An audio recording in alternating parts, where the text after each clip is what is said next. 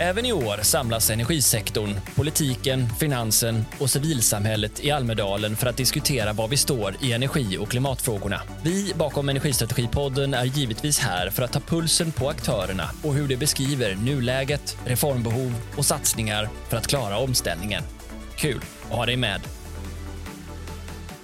Emma Wiesner, välkommen tillbaka till Energistrategipodden. Ja, men tack. Kul att ha dig här. Du är ju en av de eh, politiker, och kanske framförallt en av de eh, EU-parlamentariker som har varit mest aktiva här i Almedalen och i energifrågan. Man har sett det dyka upp då och då. Hur många seminarier har det blivit? Eh, 28 tror jag. 26 eller 28, jag är inte helt eh, hundra. Men jag har sprungit från alla möjliga. Inte bara energi ska sägas, men mycket energi. Men då är jag ju nyfiken på att höra, men vad har du plockat upp från det här? Tematiken och retoriken i år jämfört med tidigare år. Vad, vad tänker du på? Ja, men det handlar väldigt mycket om eh, resiliens skulle jag säga. Alltså, det har varit ett återkommande tema på flera seminarier att vi ska bli liksom mer, eh, mer självförsörjande. Och det, jag har jobbat med en ganska bred portfölj, allt från jordbruk till industri, till gruvor, till energi. Och alla liksom, forum är livsmedel, hur kan vi klara eh, livsmedelsproduktionen? Gruvorna, hur kan vi få in mer råmaterial så vi klarar klimatomställningen? Energibranschen, hur kan vi klara utmaningarna? Hur kan kraftvärmen få tag på bränslen? Eh, det handlar väldigt mycket om, om försörjningstrygghet och eh, stabilitet. Det skulle jag säga är min eh, spaning generellt av min liksom, breda portfölj som jag har pysslat med. En av de spaningarna som jag har haft här i Almedalen har varit att eh, en ökad tonalitet kring centralplanering. Om vad det är vi behöver för typ av kraftslag, hur, hur mycket elnät vi behöver, var kraftslag ska finnas, till och med vad det ska vara för typ av reaktorer till och med. Eh, och, och vi var på ett seminarium med Vattenfall och de planerar så här bör en, en grov plan se ut för Sverige. Den typen av mer eh, gemensam centrala planer. Är det någonting du ser även i Europa? Jag ser att Europa möjliggör detta. Eh, jag, ska säga att jag som har varit väldigt runt på många olika typer, jag har varit allt från djurens rätt till livsmedelsförsörjning till gruvor så att jag har varit väldigt brett i Almedalen, inte bara följt energidiskussionen men jag ser ju det här hända i den svenska debatten eh, och jag skulle säga att det oroar eh, just det här behovet av centralplanering som jag tycker är ganska skrämmande men EU möjliggör det.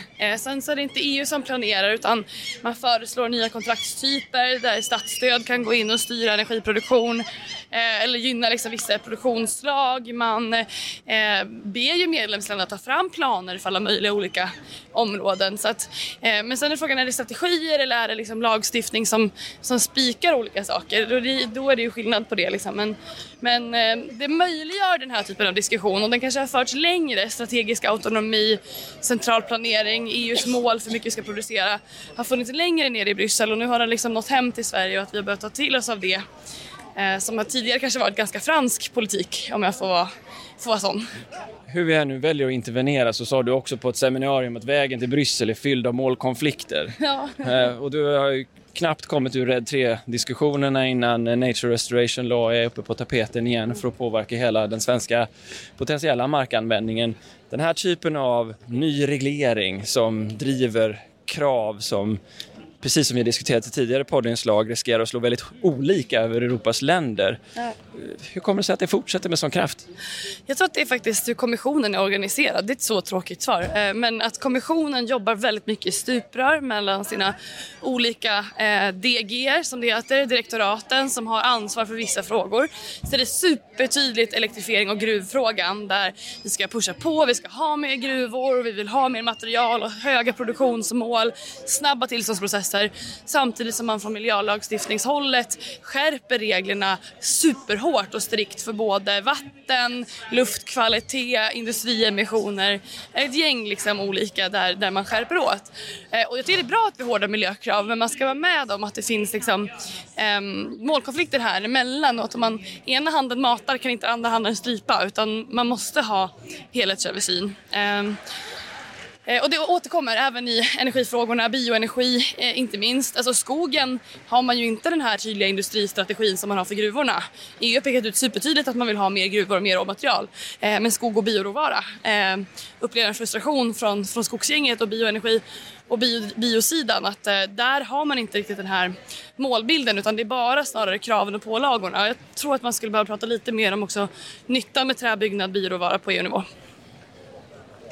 För, för, för, att undvika att det blir liksom för, för konfliktfyllt. Eh, eller, det, man, man måste adressera båda eh, i så fall.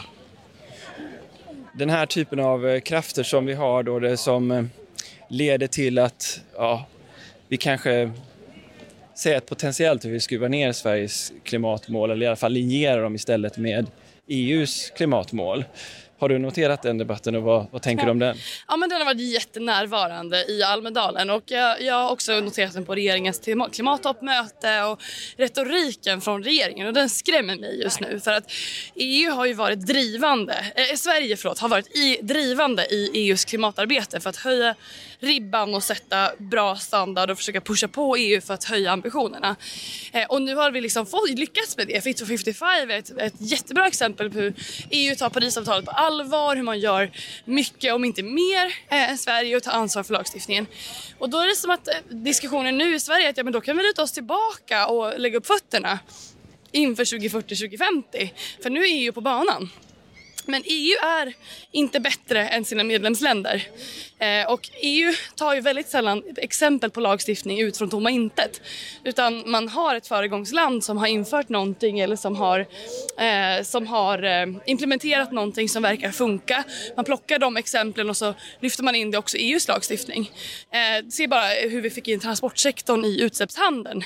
Eh, Tyskland ville införa en egen utsläppshandel och på så sätt fick man med sig eh, att det istället gjordes på EU-nivå.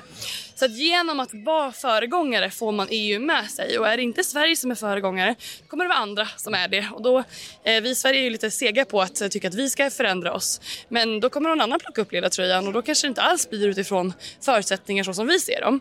Så att det, det är en anledning att plocka upp ledartröjan men också för att det gör att vi kan driva på ambitiösare klimatpolitik för hela Europa och det är så vi verkligen får ner utsläppen.